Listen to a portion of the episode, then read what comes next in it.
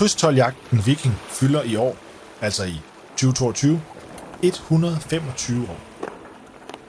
Det flotte og hurtigt sejlende skib blev oprindeligt bygget i 1897 som smuglerjæger og tolvfartøj til det sejlende krydstolvæsen, altså den sejlende del af tolvvæsenet.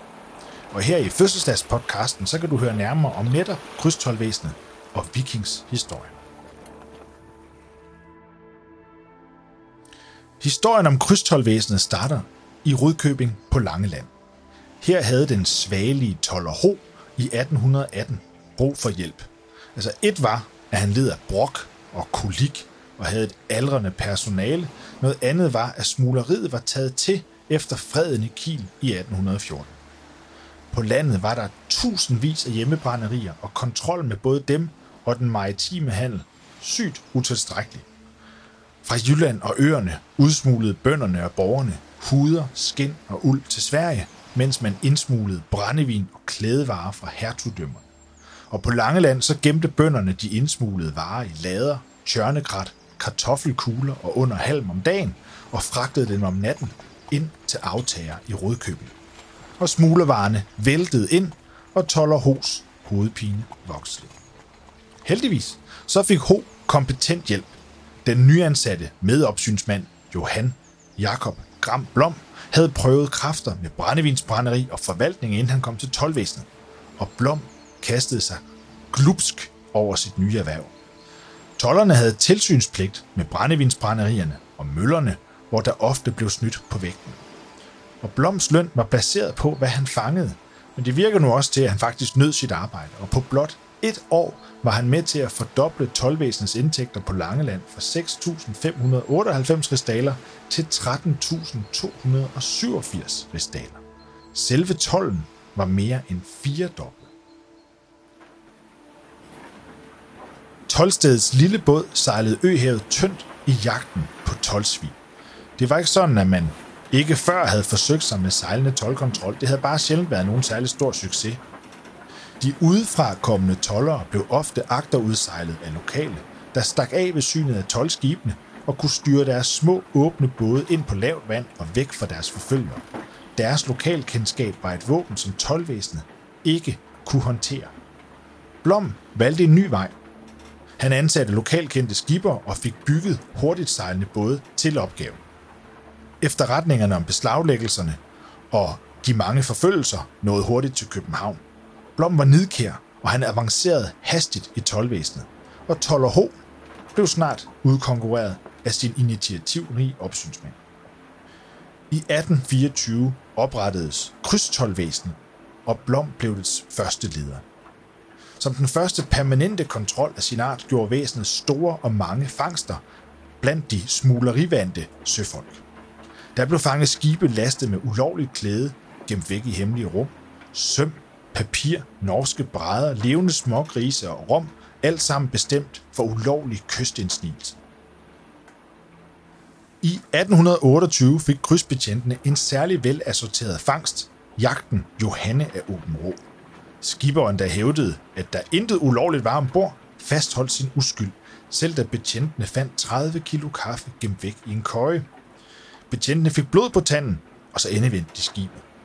De fandt fire kasser kaffe mere, 22 toppe sukker, en kasse søde mandler, tunge kasser med krydderier som kanel, peber, allehånde, nelliker og kardemomme, 12 paraplyer, 50 flasker vin, et anker rom og 50 kilo stål. Kaptajnen nægtede stadigvæk, der var sket noget. Frygten for afgifterne og bøderne løb i forvejen, så endnu flere betalte, hvad de skulle, og de steder, hvor Blom havde udkommanderet fartøjer de første år, der steg tolvindtægterne mellem 8 og 15 procent. Hvor centraladministrationen nød de mange midler og klappede i de små statshænder, så var det ikke det samme for de kontrollerede. De strittede imod med alt, hvad de havde lært. Som en toller fra tjenesten har forklaret om sin tjeneste i 1820'erne. Jeg har kæmpet mod defraudanter, gjort mange opdagelser og omfang som få. Jeg har under mine farlige foretagender og i anledning deraf modtaget skældsord og forbandelser, været tragtet efter livet og pisket flere gange. Kugler har under opgaverne strejfet mit hoved. I Danmark har der aldrig været en reel kystvagt. men krydstolvæsenet er nok det, der er kommet tættest på. Kontrollen var især sidst i 1800-tallet rigtig finmasket, og krydstolvæsenet var derfor også af den opfattelse, at det i høj grad virkede præventivt. Smugleriet var jo væk. Krydstolvæsenet blev i 1890'erne skydeskive for utilfredshed fra sejlskibsrederne, hvis skibe kunne opleve 5-6 kontroller på en tur gennem de danske farvande. Dansk Søfartstidende skrev i 1896, at krydstolvæsenets 16.909 årlige kontroller af sejlende skibe stod i voldsom modsætning til de kun 10 konstaterede lovstridige handlinger samme år. For sejlskibsrederne betød det tal, at smugleriet hørte fortiden til, og så kunne man jo lige så godt stoppe kontrollen. Og krydstolvæsenet hævdede derimod, at smugleriets fravær skyldtes det sejlende tolvæsens effektive og præventive indsats. Og det var mens denne debat stod på, at krydstoljagten Viking blev bygget på Hansens værft i Odense i 1897, og den fik nummer XVI, altså nummer 16, og patruljerede i det nordlige Øresund. Få år efter, i 1903, så fremlagde regeringen et forslag om at fjerne det dyre og bekostelige krydstolvæsen til fordel for at styrke landtolvæsenet. Forslaget blev begrundet på to måder. For det første havde den teknologiske udvikling overhalet tolvvæsenets sejlskibe, og for det andet bemærkede finansminister C. Hage i forarbejdet til lovforslaget meget optimistisk, at systematisk smugleri næppe nu til dags forsøges herhjemme. Hage var simpelthen overbevist om, at den sejlende kontrol var overflødig, fordi moralen blandt danskerne grundlæggende havde ændret sig så meget, at ordentlige handelsmænd de angav hinanden, hvis der var mistanke om smugleri. Det var ikke noget, danskerne gjorde længere. Der var også nogle praktiske argumenter for at nedlægge krydstolvæsenet, som havde en del vægt. Krydstolvæsenets sejlskibe kunne ikke bruges i vintersæsonen, og det gav smuglere i hver uafhængige dammskibe frit spil. Og samtidig så hæmmede det handlen, at de stadig større og hurtigere dammskibe skulle stoppes og undersøges til søs af tollere i langsomme træskibe. Og finansminister Hage indrømmede, at selvfølgelig tør det på ingen måde påstås, at der ikke i ny og næ smugles herhjemme, men han mente ikke, at krydstolvæsenet øgede sikkerheden mod smugleri, og det kunne dermed nedlægges. Og sådan blev det. Krydstolvæsenet blev nedlagt, og krydstoljagt XVI solgt på offentlig auktion i Helsingør den 13. januar 1904 for 4.150 kroner til en kaptajn Otto Bauk fra Helsingborg. I 1916 så finder vi skibet igen under betegnelsen Dæksbåd Viking hos Esbjerg Skibsbyggeri. Vi ved egentlig ikke, hvor skibet befandt sig i den mellemliggende periode, eller hvad det blev brugt til, eller hvem der har givet Viking sit navn. Selvom det måske var hensigten, så blev Viking heldigvis ikke ombygget til fiskefartøj. For den 10. august 1917 erhvervede fru Marie Petersen skibet ved kontant betaling af 15.000 kroner, fri for hæftelser og til leverance i Svendborg Havn. Fru Petersen købte Viking med henblik på, at hendes søn, der led af tuberkulose og havde et særligt behov for frisk luft, kunne få det bedre. Hans helbred blev også stærkere, så det blev i stedet datteren, også Marie, der overtog fartøjet.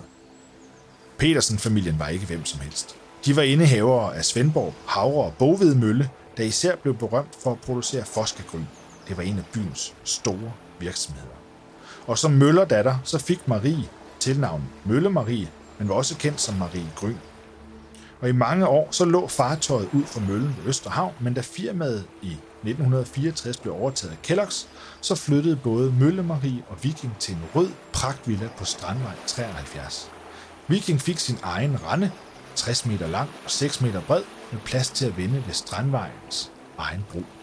Randen kan stadigvæk ses fra luften, og vendehullet ved broen gik under navnet Maries Hul.